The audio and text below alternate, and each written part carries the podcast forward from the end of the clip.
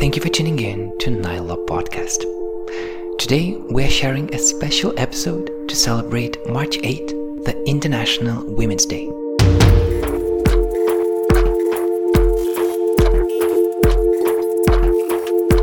The conversation that you're gonna hear was held during Sirenos Theatre Festival this October.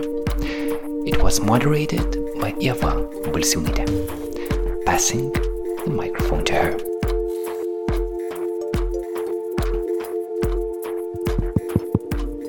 Tai diskusija vyks anglų kalba, tai aš ir pradėsiu uh, viską angliškai. So uh, the discussion will be held in English, and uh, I thank you very much for being here, and thank you all of you. And if you have any questions, please feel free to participate. This is an open discussion, and we are thrilled to hear your thoughts too. This discussion was inspired by one of the performances. It's called "Be Careful" by Indian actress and director Malika Tanya, Tanea, sorry, and. Uh, the performance was inspired by the so-called rape epidemic in India back in 2012, and then a year later in uh, in Mumbai too. So the performance speaks about cultural stereotypes uh, related to gender and how it affects women. We were inspired by this performance and we decided to hold a discussion called Be Careful, a situation of women in different societies. Today we have uh, three participants and I'll ask uh, all of you to briefly introduce yourselves. So I think we can start. Uh, my name is Jana Ross. I have quite a complicated biography, and now when uh, people introduce me abroad, they say Lithuanian American theater director. It's a great honor to represent Lithuania, even though I wasn't born here, but I've spent the uh, last 12 years living and making theater in Vilnius as much as uh, in Europe. Um, and the American part also makes things complicated uh, in in this constant internal battle of East and West, and kind of switching between mentalities when I work. Let's say in New York, where I work in Scandinavia, or I work in Poland, um, I have to use both modes. Uh, good evening, everyone. My name is Eglė Murauskaitė. I'm the senior researcher at the University of Maryland's uh, ICONS project. I specialize uh, in a broad spectrum of security issues. Security in the community and community issues as well are very much front and center of some of the projects that I'm engaged in. Um, I am also part of the Vilnius Institute for Political Analysis, and uh, I run the Nanook uh, Global Update monthly podcast where we focus on current affairs uh, and uh, big, slow moving uh, topics in the world. So I'm thrilled uh, to be able to, to, take part in a discussion where we're going to look at these. Challenging issues from an art perspective, and I look forward to it. Hello, everybody. I'm Runa, Runa Chakraborty Paunksnis. Currently, I'm teaching gender studies and media philosophy in Kaunas University of Technology. Um, but before coming to Lithuania, I taught in several places in different parts of the world. Originally, I'm from India. My native city is Calcutta, but I have been away from India for a long time. I keep coming, going back to India apart from teaching, which I've been doing for more than a decade now, I am also a creative writer and a translator. I translate stories from my mother tongue Bengali to English. I did some unpublished, um, and my research area is gender studies. Uh, my doctoral dissertation is also on women writing, Dalit women's writings, if you're interested about caste and all. So that's pretty much it. Thank you very much. Thanks for coming today. Thank you for uh, introduction and for being here. I'm really looking forward to hearing all your thoughts.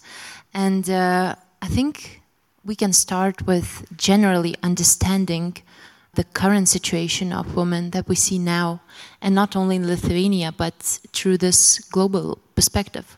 Because now, these days that we live in, it's often called as an era of feminism, a triumph of women. But is it really true? when in countries like the United States, we see women fighting for their reproductive rights. Uh, we see women marches around the globe. Uh, we have places like Saudi Arabia. So, first of all, Eglė, I want to start with you. What do you think would be the key events and processes, the milestones that describe current uh, women's situation in different places around the globe? Well, let me try to offer a few brief thoughts on that because it's a huge, you know, you could, you could yes, write a whole study about this. Um, so, if we're starting from the US, uh, unfortunately, that is the only developed country in the world who finds itself within the top 10 list. Uh, of the most unsafe and insecure and unequal places for women to be. Uh, so that's not such good news, and unfortunately, that hasn't changed. Uh, in the latest studies done by the Council of Foreign Affairs and the Washington Post, the US is still there. Uh, the Me Too movement uh, that has encouraged a lot of uh, women working uh, in Hollywood, first of all, to speak up about the very troublesome implications of the power interplay of often male directors in the superior role uh, or generally figures of influence, famous people, uh, who tend to abuse their power to impress uh, uh young and perhaps less experienced uh, women um, to do things they might not necessarily be willing to do otherwise, were it not for their fear of negative repercussions if they say no. Uh, subsequently, that has spread out and has encouraged a lot of women to speak up. And again, just to throw a bit of a statistic in there, in the US, uh, the surveys show that more than half, about 53, 54% of women, depending which study you look at, uh, have experienced uh, sexual harassment or unwanted attention. Uh, and about one third of these cases have happened in their workplace, which I think is uh, pretty troublesome. So we're not talking rape here. sexual harassment uh, is uh, troublesome enough as it is. And uh, to throw a bit of a personal touch in there, I mean, DC is where you get catcalls as much as in Cairo, or even more compared to some places, which I found profoundly ironic. Uh, some of the other milestone events that might take us a little bit more around the world. So, Saudi Arabia has been making gradual progress to be more inclusive for women. Uh, women have uh, gained the right uh, to drive without a male chaperone, which has been a huge milestone. And I think it's uh, within the past few weeks, uh, they have, Saudi Arabia has uh, also.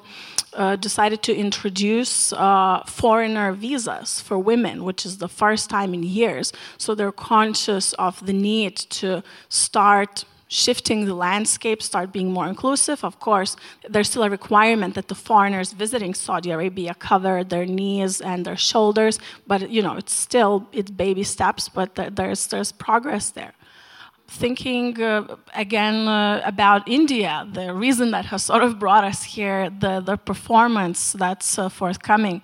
India is unfortunately been rated as the most unsafe country for women in the world. And uh, that Thomson Reuters uh, survey of experts that has produced this information uh, has been challenged in India in particular on the account that it's not based on statistics, but it's based on expert opinions. Uh, it's a survey of about 550 people. And seeing India top places like Afghanistan or Syria in this respect is deeply troublesome. And I think it's been a wake up call for many. And uh, the performance that is being hosted at Sirenos is a very timely reminder and an invitation to reconsider, you know, what are the norms, what are the stereotypes. And just to finish with that, um, I think uh, to me, one of the most eye opening experiences was uh, living in Cairo back in 2011, which basically, you know, before my very eyes tore down the stereotype about the connection uh, of a woman's appearance and harassment. I would see quite full bodied Matronas, ages 40 to 50 going down the street with their full length black dress covering their whole body, and they would still get catcalled and even grabbed. So you know, if if that's uh, if that still happens, like forget the mini dress argument. It's definitely, you know, it's it's not what's at play here. So I hope that's uh, that can get us started uh, with a discussion. And you touched upon uh, India and situation there. So, Runa, it would be interesting to hear your perspective. Since you are from India, how do you see the situation? Do you see that the situation of women is improving? What are your thoughts? The thing is, uh, when we talk about India, or let's say any other country in the world, and we talk about gender perspective, we have a tendency to homogenize it. Um, that's true for any country in the world. For example, if you ask um, somebody coming from the East, let's say India, and uh, talk about women in the West, they would have some sort of, you know, homogenized idea about women in the West that is also derogatory in in some uh, respects you know like the women in the west they don't care about values they don't care about this or that they are not modest enough they are pretty free free in a in a negative sense. So these are all stereotypes. And our whole journey is to uh, basically fight against these stereotypes. I would not uh, actually argue, I wouldn't refute the whole thing that she was talking about, about the, uh, India being unsafe. Well, um, India is to some extent, definitely, but uh, to say that India is the most unsafe country in the world, uh, I would really not agree. Uh, because, uh, again, we have to see what the parameters used to conduct that survey. Who are these people who were questioned? What kind of questions were asked? And what's the uh, socio-political location of these people who gave those answers? Were they from urban areas? Were they from upper middle class? Were they from lower class? Were they from rural India? Because there are many Indias within that country called India. Uh, if you travel there, you will see that, and the diversity, not just in terms of language, not just in terms of culture, but in terms of people and their behavior, their, their cultural practices. It's really a mind blowing place. Even, I am from a particular place, and if I travel down south or west, I won't be able to speak the language which is uh, very surprising here in Lithuania. You go to Kaunas, you, you, you are here in Vilnius, or you go to some other place in the north, you'll be speaking the same language. Uh, maybe some kind of dialectical variations be there, but largely you'll be speaking the same language. That's not possible in the country called India. Okay. So, coming back to this question of being unsafe and women being unsafe there, lately, yes, um, it is one uh, big problem. But the problem actually escalated after, let's say, 1990s, when economic liberalization began there. And uh, there are many other political and economic and social reasons behind it, uh, because of which we talk about toxic masculinity, which is very much represented in Indian media, if you ask me but at the same time, saying that Indian women have no agency, they're extremely oppressed by men, it's complete myth. It's not true.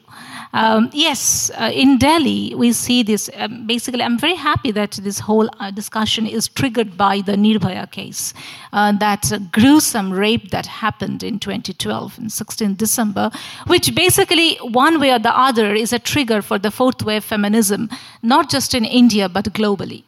The Nirbhaya case is one milestone in the whole history of fourth wave feminism on a global scale. So um, that is one incident, and there are many incidents that happened that were not reported. In fact, just immediately after Nirbhaya case, there was a gruesome rape happened in uh, uh in Bengal near Calcutta, uh, but that wasn't reported that well. That didn't catch the international attention. So um, these things were there, and Delhi is I'm sorry to say, but probably internationally, Delhi is known as the rape capital of India. It is very sorry, I'm, I'm really sorry to talk about that, but that happened. The Delhi probably gained this kind of um, uh, name. Maybe it's, it's a kind of a real humiliation for, for that place. Um, but that happened because of these kind of incidents that happened. But at the same time, at the same breath, I would like to say that there are many people in India who are talking about women agency. Indian feminist movement is also going on in full swing, and we are talking about Me Too movement that happened in Indian film industry, mostly in Bollywood film industry. Bollywood is not the whole Indian film industry. I would like to say that, uh, and uh, but it's just a part of Indian film industry, internationally known. So um, Me Too movement happened, and many directors, many well-known directors, producers, actors, very veteran actor, his name is Nana Patekar. These people were booked. They were uh, not arrested, but they were even dragged to court.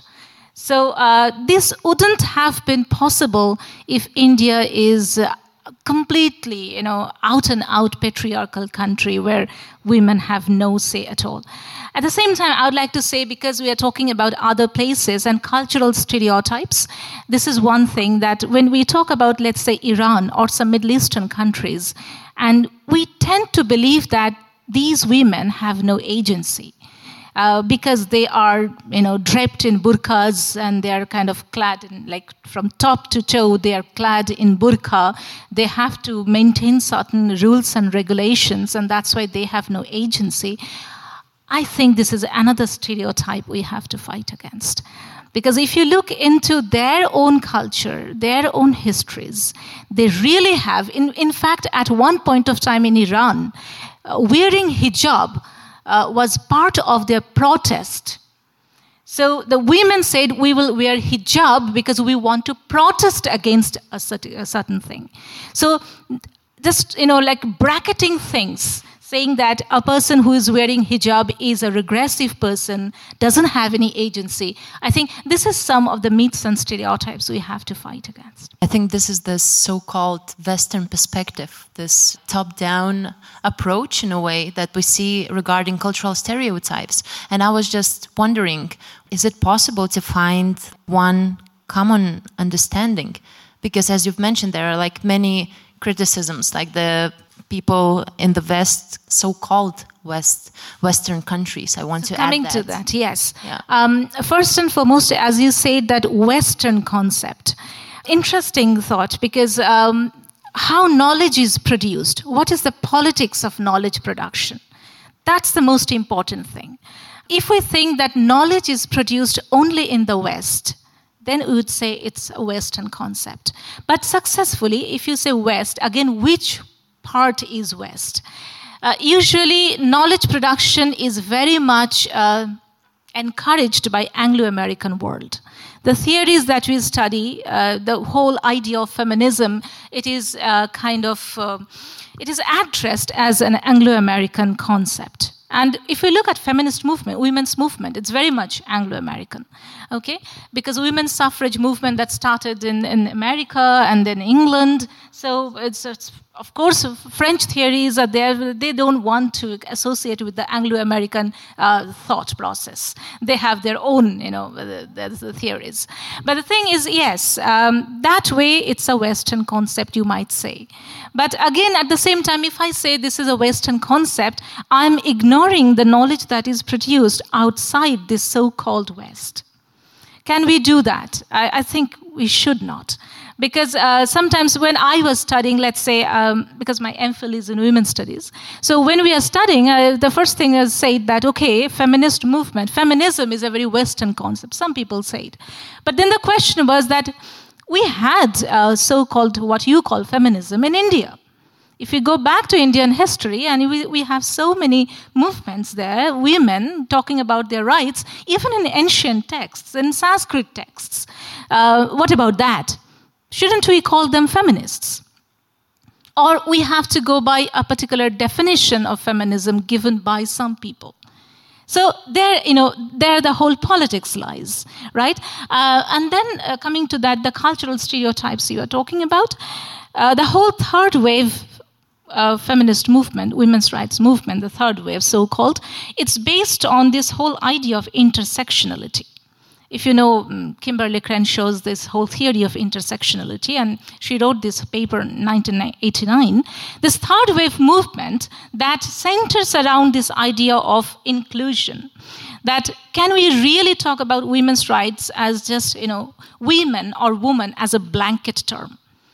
It's not possible because gender also, uh, is, or rather, gender is um, associated with other social categories like race, like ethnicity, your location, age. So, so many other overlapping areas are there. If you look at gender or just woman as a blanket term, then it's possible, not possible to understand everybody's problem. For example, so for a long time, this Anglo American feminism, they were talking about white women and passing it off as woman. So that was the women's movement, was basically white, upper middle class, middle class women's movement. Then how can a, an African American woman be related to this movement? How can an Indian woman or Indian American, Asian American woman be related to it? How can an East European woman be related to it? Because you have a very different history. I see Eglė agreeing. Would you like to add anything? Before we turn to Jana, just uh, very briefly, I, I find this uh, really fascinating, this whole feminist uh, discourse, uh, and specifically from the Eastern European perspective, because uh, well, let's let's say a good word about Lithuania for once, right? Uh, apparently, it is uh, uh, number eight in the world in terms of uh, equal opportunities for women. So when people measure on paper uh, equal pay for equal work, how easy it is to get treated legally in the same fashion as a man, Lithuania ranks top, uh, top eight in the world currently, which I think is fascinating. When you start going into practice, it doesn't really work that way. Uh, and I find what I find fascinating is uh, this whole uh, post Soviet mentality, common obviously not only to Lithuania, but many women coming from the post Soviet space, that while you are almost uh, degendered, uh, there is uh, so much of an equality sign drawn between the male and the female that you see all these uh, Soviet versions of Rosie the Riveter posters where you know you see these powerful uh, women flexing their muscles next to agricultural equipment on the one hand, it uh, pushes you to the place where legally you are used to treating these people the same, male or female, men and women. Uh, LGBT people, not quite there, I'm afraid, with this mentality. Uh, but um, then you are losing the feminine touch. And when you are starting to look at where the differences are, where you start looking at women who want to be feminine who want to, you know, uh, accentuate uh, their femininity, who want to talk about their vulnerability, who want to say, well, you know, no, I'm not able to compete with a man. I don't want to, maybe even if I could. Uh, women who, you know, go on talking about their sexuality, uh, their menstruation and, uh, and uh, menopause issues there you start getting you know all googly eyes in the post-soviet space whereas in the us that discourse has already happened so even you know when you're trying to conceptualize what does it mean to be equal it's not so straightforward in my opinion Let's try to move uh, to uh, cultural stereotypes and more personal experiences. So, Jana, you worked uh, in 12 countries, am I right? Stopped counting at some point, but there is, uh, I would say, of course, there is this landscape of uh, Scandinavia uh, that feels uh, very different to the rest of Europe. I would say, in in what extent? On a very basic human level, my male and female actors uh, who have kids have uh, really, I would say, I don't know if the word equal, maybe equal is good, but they have the same attitude to the kids. There, I really don't feel the difference uh, when a male actor says, I have a sick kid and I have to be at home, or also legally, uh, men uh, spend as much time at home, let's say six months, with their baby um, and it's also incredibly visible uh, in Stockholm. A lot of young guys kind of carrying these like two babies in front and the back and one in the uh, carriage and, and there were like uh, male gangs on the on the sandbox uh, with kids playing you don't really see women on certain days or whatever however they decide this uh, to divide the child labor so it's visible comparing to Poland or Germany, where it's still very much gender stereotyped, and and um, I think German actors have male actors have zero time uh, legally to spend with their children as opposed to mothers. And then my recent encounter is uh, Switzerland, which I don't know how many of you know that women uh, gained the right to vote uh, in 1971. And in one canton, it's a really kind of divided country in this little uh, cantons, and, and one uh, of these uh, federations granted women rights to vote in 1991 really Saudi Arabia comes to mind when I think, kind of in legal terms, women that are my colleagues in Zurich, who are, I don't know, in the 60s and 70s, I keep staring at them. I was like, you remember what it feels like not to be a, a full person, not to have a, a, a legal right to work. You had to get a permission from your husband talking about the West, this is the West, to get a permission from your husband to get a job in the 70s. So I am kind of in this process now of actively consuming and processing this information that is coming to me. So, of course, in my really, I would say, luxurious and privileged place as an artist who can work internationally, I really am extremely sensitive to this information and I absorb it very fast and I see those differences. I feel it. Also, sometimes it's very hard to express in words. Let's say in Scandinavia, I arrive in Stockholm and I feel there's a little bit more air in general. I can't explain it, but I breathe, I take longer breath, and I have more space. And then when I land in, in Switzerland, then I feel I'm a little bit it's very subconscious, but I a little bit disappear in the in the background. It's not aggressive, it's not violent, it's not hurting me, but my body is reacting to it. So this is a very physical thing also. And how how does it uh, all uh, these different places and different cultural stereotypes. How do they affect your professional career? I mean you have an amazing professional path. You worked in the us in uh, berlin right? And and you are a very successful theater director. Does it somehow that you're a woman does it somehow affect your work? Again perhaps partly it's luck partly education and this immunity kind of Im- vaccine I got by shifting between cultures and growing up in many different locations that I became immune to a certain gaze and kind of focused very much uh, uh taught myself to focus on things that are important to me. And the important the only thing that is important to me is artistic freedom and, and ability to create so I cannot say that I've ever been uh, denied this ability, but it, of course, it's a very long, conscious work to make that path for oneself. And of course, in my case, I have to be honest with you that there is a, always a question of what is family.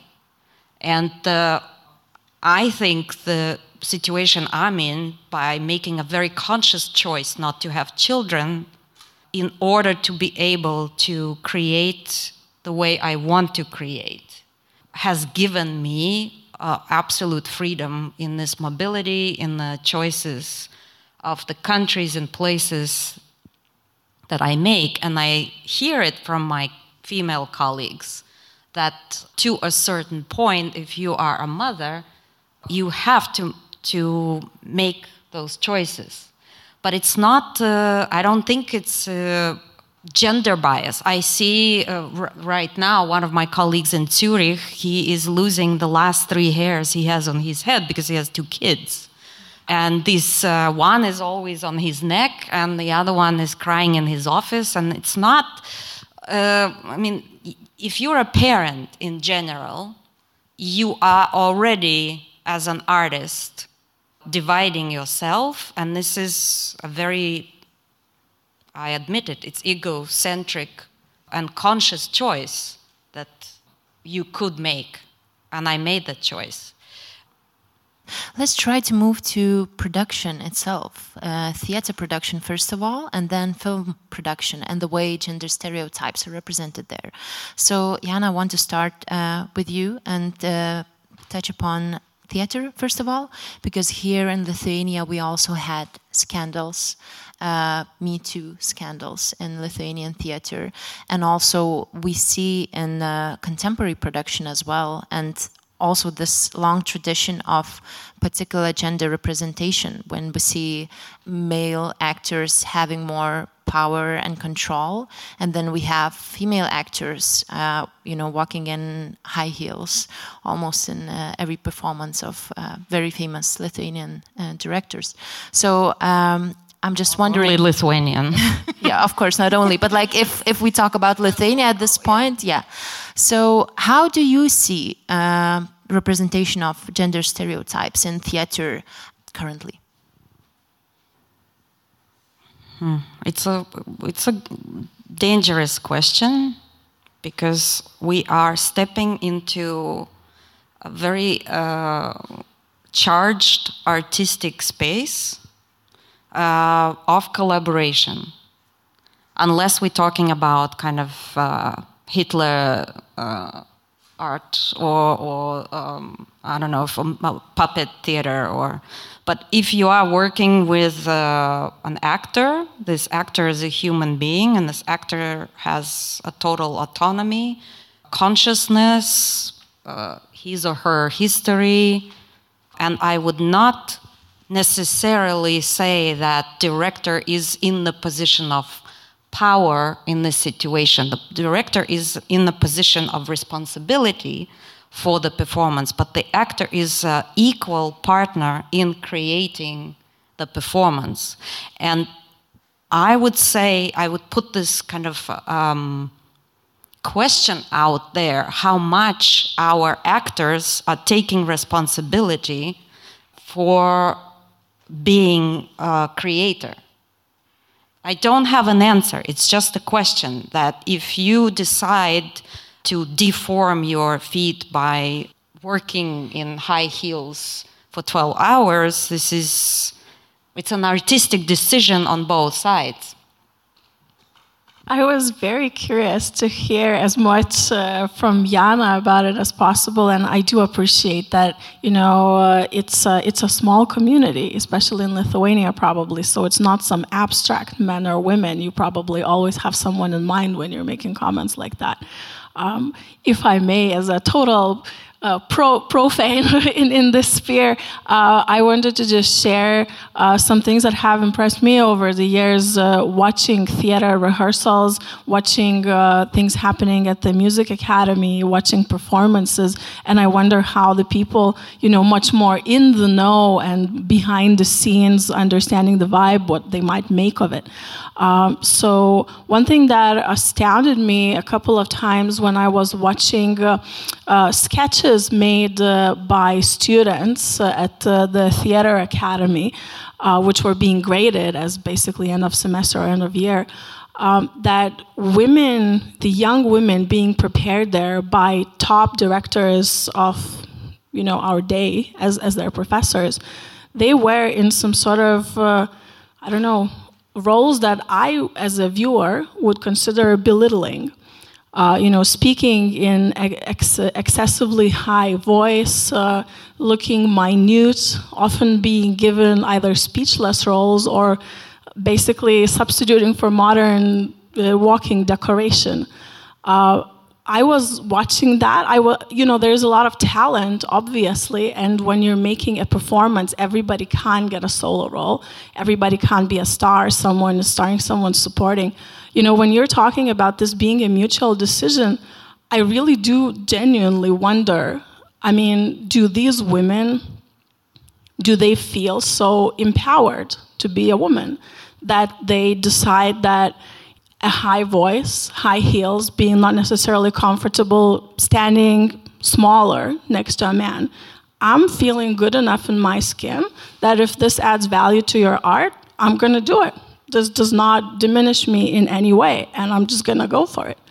Or is it rather the case that the understanding of the role of a woman, even if you're reinterpreting a modern uh, you know, an ancient drama in, in the modern times, that this is still the understanding that the prominent Lithuanian theater directors come with. And, you know, without much more instruction, this is what is being reverted to. And if the latter is the case, then I really fear for the future of, of you know, the next generation of actresses because I think it's appalling. If it's the former, you know, all the, you know, three cheers to them, it's their choice. But if it's not, it's really concerning. And, uh, you know, I remember back in the day, you know, this is more than a decade ago when, when I was a student and uh, we were big fans and theater goers with some of my classmates um, in high school. And I know that uh, when some of them were considering choices for profession, they were going to theater classes, again, with some of the directors whose names are very well known and were well known at the time the stories they would come back with, you know, with these uh, gray haired men trying to basically uh, look up the girls' skirts when they were on, on, on the stage, it, it just seemed ridiculous. And when I talk with people who continued in theater as a hobby or, or you know, as a professional, it just somehow doesn't strike them as shocking. You know, there is a lot of talk about the need to break someone in order to make them to break the person, to break the ego, to make it a moldable material that is best suited for a particular production. And clearly, having not gone for school for that, I know very little about it. So I'm just always curious, you know, these things that I look at with my untrained eye, with, with you know, the the social sort of background and agenda and the tools to interpret what I'm seeing. What does it look like from the inside? I just make a quick comment that, of course, when I was talking of collaboration of director and actor, I am talking about professionals. Uh, and in the case of the Theater Academy, I uh, absolutely 100% with you. I uh, thank God spent very little time there. I am heading a directing program on the master's level. I have five students. And for me, this is kind of the extent of my uh, capabilities, let's say, in, in the Lithuanian Theater Academy. And I think, of course, once you talk about the formal position of the pedagogue, of the teacher, of professor, of the academic uh, responsibility, it has to be very clear. It has to be uh, scrutinized, judged, spoken of and remade, really re reinvented, re uh, destroyed and made again. But how do you think? Uh, what are the ways to improve the situation? Because, like for so many years, as Eglė mentioned, also it's like not shocking. It's considered as some kind of status quo. So, what do you think, uh, as an insider, uh, can be I done? think uh, just a side comment maybe to uh, you have to go back to the very beginning you have to go back to the family uh, and the things that you learn uh, of gender as a boy or a girl in in the lithuanian context uh, and as an example let's say i often work with american set and costume designer and we made our first production in lithuania in 2007 he came straight from new york and he made this comment coming into rehearsal, he said, Yana, thank God we don't have any hookers on stage because I wouldn't know how to dress them. Because to his eye, the women on the street looked like prostitutes. everybody was on high heels with bleached blonde hair with their boobs hanging out. And he said, This is uh, a look I would use for the production. And uh, I was really, I did not see that, or I didn't. but this is also, a, a, you know, not a, a, gay guy from New York, a trained costume designer making a comment. And so I also, and then he came back to work five years later and he said, wow, it's a different city. There's no peroxide, no high heels on Gedimino Prospect. Let's do some hookers on stage. uh, but this is also, this is how fast uh, society is changing. This is how uh, the world is changing, thank God. And uh, yeah that was a side yeah i think i think we can connect uh, all these changes in the industry to the changes in the society and what we see in this public discourse i think uh, we are talking about media representations and um, you asked that question when we moved to that topic um, uh, well in uh, again i'm only talking about bollywood films i'm not talking about the whole indian film industry it's not possible so in bollywood uh, initially maybe in 70s, 80s, uh, we saw this kind of very passive uh, roles for women. They were either sidekicks, uh, very you know beautifully decked women dancing around trees in wet sari and all that. So um, basically, the the job was to titillate, to to provoke sexually and they didn't have much to do. Uh, the hero will do everything, and uh, she will be just rescued by that hero. That was the, the concept. Well, um, it changed. If you look at recent films, uh, sometimes it's called New Bollywood. And uh, if we look at these films, some films, and most of the films now being they are very, very women centric. The narrative is women centric we have a female character, uh, the lead, and uh, the entire story is being told maybe from her perspective, and many uh, women centric issues are being taken up these days.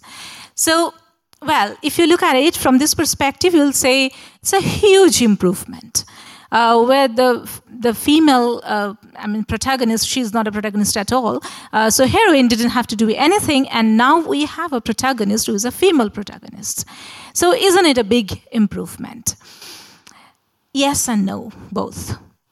Uh, because if I look at it from a scholar's point of view, coming to this whole question of you know wearing skimpy dress or no dress at all, or um, dressing in a particular manner. And if we connect it with uh, certain words like, let's say, empowerment, um, we have to think twice. Why I say it from a scholar's perspective, because whatever be the cultural production, whatever be the mode, whether it's literature, whether it's film or theater or anything else, a music video, um, it's all related to a very important factor that's called market. So the market is deciding whether you like or not. And what kind of market we are operating in. It's the neoliberal market. So, in this neoliberal market, we are given a sense of, we in a sense, like let's say women of today. So, we are given a sense of quote unquote empowerment. We are led to believe that we are empowered. And very wrongly, that is being connected with some sort of dressing. Uh, just it may not be very irrelevant in this context if I just share my experience. I was teaching gender studies, and in the very first class, uh, one of my students asked, "Why breast implant would be wrong? I'm doing it for myself. I'm happy about it. I'm good. I'm feeling good about it. Why is it wrong?" So I had to say, it's nothing about wrong or right what triggers you to think that some kind of body operation is needed to feel good? Why do you think your body is imperfect and you need to do some kind of surgery, some kind of operation to feel good about yourself? Who's telling you to do that? And there I'm saying I'm speaking like a scholar. From that perspective, that is telling us selling rather a sense of empowerment. and telling us that if I can do this, I'm empowered, which is the whole debate about what we call post feminism. Um, I really don't want to get into the, the discussion of post feminism, it's, it's, a whole new world, but um, I think it's time we think about these things. Why should I think that a particular dress would make me feel empowered? Why a tattoo on my naked shoulder makes me more empowered than another woman who is clad maybe in a skirt and a blouse and a no, coat or something? What's wrong with her? Nothing. So, this whole idea of beauty, the whole idea of empowerment is being sold uh, by the market. And we really cannot ignore that when we talk about any kind of cultural production. So, that's why I said yes and no. The kind of movies that are being made in Bollywood, and everybody's going gaga about it. Look at Bollywood; it's so it's it's progressive. We have women-centric films. I'm not denying. Yes, some films are very very good, but some are not. And uh, through those films, I'm, I'm not taking those names because many of you may not be aware of them. Actually, some kind of very patriarchal, regressive idea is being sold in the name of empowered women, which, in my opinion, is more dangerous than those passive women dancing around trees. That's interesting. Maybe also to better understand, I, I, read one article where you wrote about Marvel productions. So, would you mind uh, telling us a bit more uh, about your research and uh, what, okay. what you found out? Yeah, actually, I wrote this article on um, superheroines, you know, female superheroes. So this is again the whole whole point is about post feminism. If you look at these uh, female superheroes, and these days they're doing very good business. I mean, if you ask uh, teenagers, they are they're really going again gaga about these female superheroes. But the thing is, um, they are negating the whole idea of empowered women. The way they are, they are in the sense the way they are being presented. Like you know, their their body, which is um, always you will see them in a very very provocative uh, dress okay? They are very slim and, and, and, and fit. Of course if you are a superhero you have to be fit. Not necessarily slim though. Uh, and at the same time if you very closely look at their figures you will see that there is a hint of masculinity uh, because the whole idea is that if you have to be a superhero you just cannot be a woman because from the normal so-called patriarchal perspective women are not capable of doing heroic tasks. So, to be a superhero, you have to have some kind of you know, hint of masculinity in your body. If you look at their representation, you'll see in every movie, whether it's you know, Avengers or, uh, or, or, Tomb Raiders, um, Buffy the Vamp- Vampire Slayer, take any, any one of them. And uh, well, when I was doing, I was writing that article and I was doing a research, and uh, I was surprised how it's basically influencing the teenagers. I d- I didn't have much time in our scope in that article to talk about all those. And I also did a comparative study because my research area is gender and I specifically focus on Indian media, that how even in Indian media that's being represented. So um, that is, uh, that's the whole discourse about post feminism. And um, if you just look around from any advertisement to these films on superheroes, we see that how the neoliberal market is selling the idea of empowerment, rather women's empowerment, and actually taking the whole feminist movement back. So uh, we are rather, I, just in a recent conference, I was, I was also presenting a paper on new media, and um, there is um, former there, there's a particular SVOD material that's being shown on Indian uh, Amazon. It's an Indian Amazon series content. It's called Four More Shots, Please. It's very much like Sex and the City. If you are familiar with Sex and the City, you know. So, um, how these basically talk about women's empowerment, but actually uh, don't don't take the movement, feminist movement, forward. So um, that I was analyzing. And women, we, uh, you know, whether consciously or unconsciously, we are becoming the voluntary architects of our own subordination. So uh, this is something that we really have to think about. Yeah, I think that connects somehow all the things that we discussed today. And uh, our time is actually coming to an end. But still, if you have uh, yeah some questions or if you have any you know thoughts that you would like to share like ending remarks. So please do so. And uh, if any of you guys yes please? Okay i'll bring the mic. Um, I sort of have a comment more than a question. Uh, when you, uh, Yeva, when you asked uh, Jana about the uh, industry, theater industry, and gender roles and men and women, during the Sirenos festival, it start, the festival started with the Lithuanian Theater Showcase, and we had around 77 guests from around the world who came to watch the Lithuanian theater. And most of them are theater programmers, so they either program theater venues or run theater festivals, they are artistic directors. Uh, a daunting majority of them are women. And uh, uh, yesterday we were uh, sitting with six women festival artistic directors at one table and discussing the showcase and our profession as well. And we were talking about that each of us, we are like we were discussing um, interesting female directors because we all want to program female directors much more than it's happening. So I think speaking about the changes, there is a lot of change in, in that perspective that there are uh, many women entering the uh, higher positions of the industry. I have a question to Eglė and Jana, maybe mostly because of the American context. Um, when it was a Me Too movement starting, I was uh, following on a social media, for example, on Instagram, and there were a lot of posts of um, New York Times and similar portals, and uh, the comments were, were very, you know, supportive. Like everyone greeted the women or girls who, girls at that time who came out and shared their stories. Whereas when it started in Lithuania, the infamous director case, uh, all the girls or a few girls who came out, we were basically trashed by commenters on social media in Lithuania.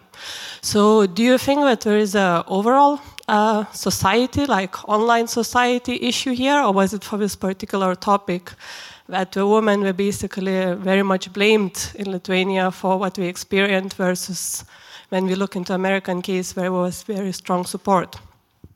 I think that's an excellent uh, question. Thank you. Um, I think uh, it's uh, you're drawing too big a category. I think you're underestimating in the U.S. how much how much hate. That's exactly the word I was going to use. How much hate these women are getting. I mean, think of a typical person who reads the New York Times.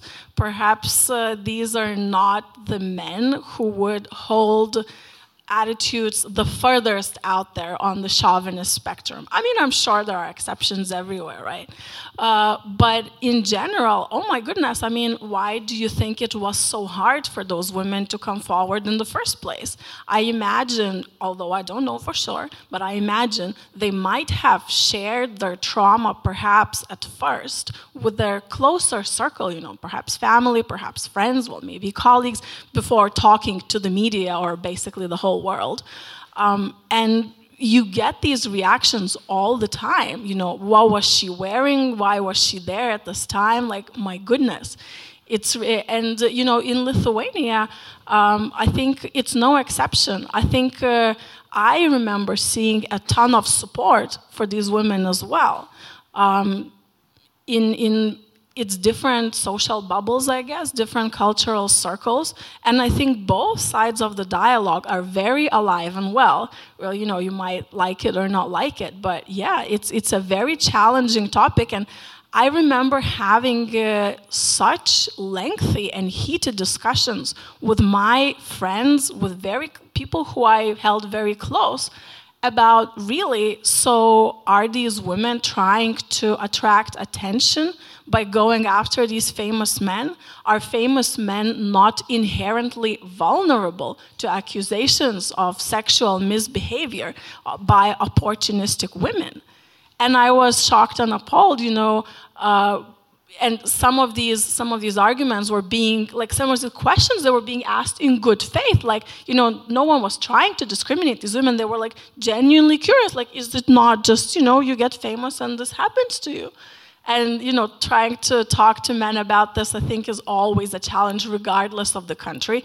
But i personally want to encourage all the women you know whenever you face a tough uh, tough situation, be it being passed over for promotion, being, be it being not taken as seriously as a man, uh, or be it something more nefarious as harassment or rape. Regardless of how many hateful comments you hear, be sure that there's at least as many comments who will be supportive. Uh, you just need to speak up. Jana, would you like to add? Uh, I would maybe just made a comment make a comment on. Uh, um, we talked a little bit about the uh, theater academy and the professional community in Lithuania. And uh, uh, in my experience of teaching, let's say in Iceland and Finland, the awareness, I would say, what is happening in terms of the issues, the way to behave on stage, the way to address the partner, the way to communicate between director and actor. I was really surprised that the atmosphere is also very, very charged there. The further north you go, in theory, on the kind of on the surface, things sound much better. But again, I remind you that we are also in a very volatile space of artistic creation. And so when my Finnish students are sitting absolutely paralyzed and saying, I'm not going to ask these actors to touch each other at all. I mean, this is this is the level. They don't want any physical contact on stage. Then I'm then I'm uh, worried for the sense of artistic language, how to teach common respect and how to make the artistic space safe without abuse, without uh, abuse of power and, and abuse of gender relationships, but to also not lose touch with reality, what is human condition is.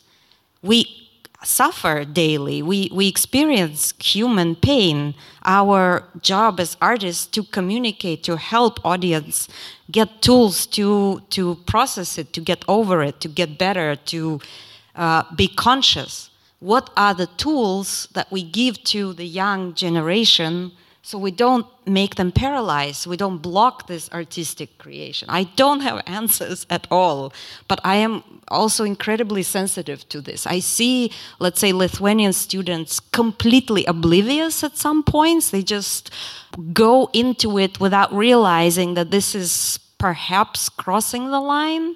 And then i see the other side where people just decide not to do anything in order to stay in a safe place. Do we have any more questions? Well, actually, I don't have a question. I just want to share a, a story. I have graduate, uh, graduated Lithuanian Academy of Music and Theatre two years ago, and uh, in January of 2017, uh, I had a situation. Uh, the supervisor of uh, Cinema Cathedral asked uh, one of my course mates to come to discuss uh, the thing that uh, our course didn't have one lecture in uh, the academy, but had it elsewhere in the city. But uh, since uh, we also, all our course needed him to sign papers for our graduation, all of all of us came and we discussed that, and then it led to um, discussion of how to improve a relationship between uh, directors and screenwriters since uh, I was studying screenwriting. And uh, at some point, the supervisor said, um, Well, you are charming girls, why don't you use that? The feeling uh, that was in the room was like as if he had spat on us and uh, everybody was silent. until I said, Well, excuse me, but what do you mean by that? And he, and he said, uh, Well, you know, Pupa and Lepenskaite, for those who doesn't know, Pupa and Lepenskaite are a married couple of uh, directors, and they are both directors and screenwriters. And I again asked, Well, what do you mean by that? And then he looked at me and said, Well, maybe you are not that charming. and uh, we continued our discussion, and at the end of it, he had to sign our papers, and he called everyone, everyone by name. And when my name came, he put my uh, paper on the side and uh, signed for everyone except me. Although uh, all of us were doing internship at the same place, and our papers, like the only difference was our names. And without that paper, I couldn't graduate. But uh, me and all of our course, my course mates, we went to the dean, and I uh, appealed to it, and my course mates wrote. Um, uh, support letter, like witnessing it, and uh, uh, I had to get a copy of my paper to add to my appeal. And I met one of directing students uh, who actually had lectured by that supervisor. And I told him the situation, what had happened, and he said, "Well, you know, but it's him. Just don't care. You know, it's it, it's just him." Like yeah and um, and when I went to the uh, the coordinator of the cathedral to get uh, the copy of the papers, I all again told all the story, what had happened, and those girls were like, "Oh my God! Finally, finally, somebody had done something." Like he had been harassing them for oh, more than six months, and nobody did anything later, when I shared this story on my Facebook page, more uh, people from Academy wrote to me about uh, their experience of sexism, and I was like wondering. I, I, I, didn't feel I did something. I just asked, what does he mean by that? But uh, eventually, uh, me and and actually, I was re really lucky to have my course mates to support me because other girls uh, had similar experience with the same ma uh, man, but everybody was, everybody was like, well, he's like that, just deal with it. We can't do anything. So at the end, uh, he was asked to leave, and uh, me and my coursemates, we had made a pact that if we find out that he is a lecturing anywhere. We'll do any anything possible in our power just to make him not to be able to touch uh, any students. Because uh, actually, if uh, I would have met a person like that when I was young and just graduated school, my reaction would be totally different. But now it's like, yeah, well, we did it, and I feel we did something good. That's it. Maybe I make a quick comment. I think you very brave. I think this needs to happen. In the Finnish Academy now, the head of uh, acting department uh, is a male director, uh, and he said he is no longer alone. He cannot be alone with a female student in the room. And he was a little bit questioning this. It's a rule by the school. And I think it's a good rule for now. And uh, until the mentality changes, I would support a rule like this. All right. I think this is it. Thank you, Jivile, again uh, for sharing this. I know the story. I'm very proud of you, and I think acts like this can make a change.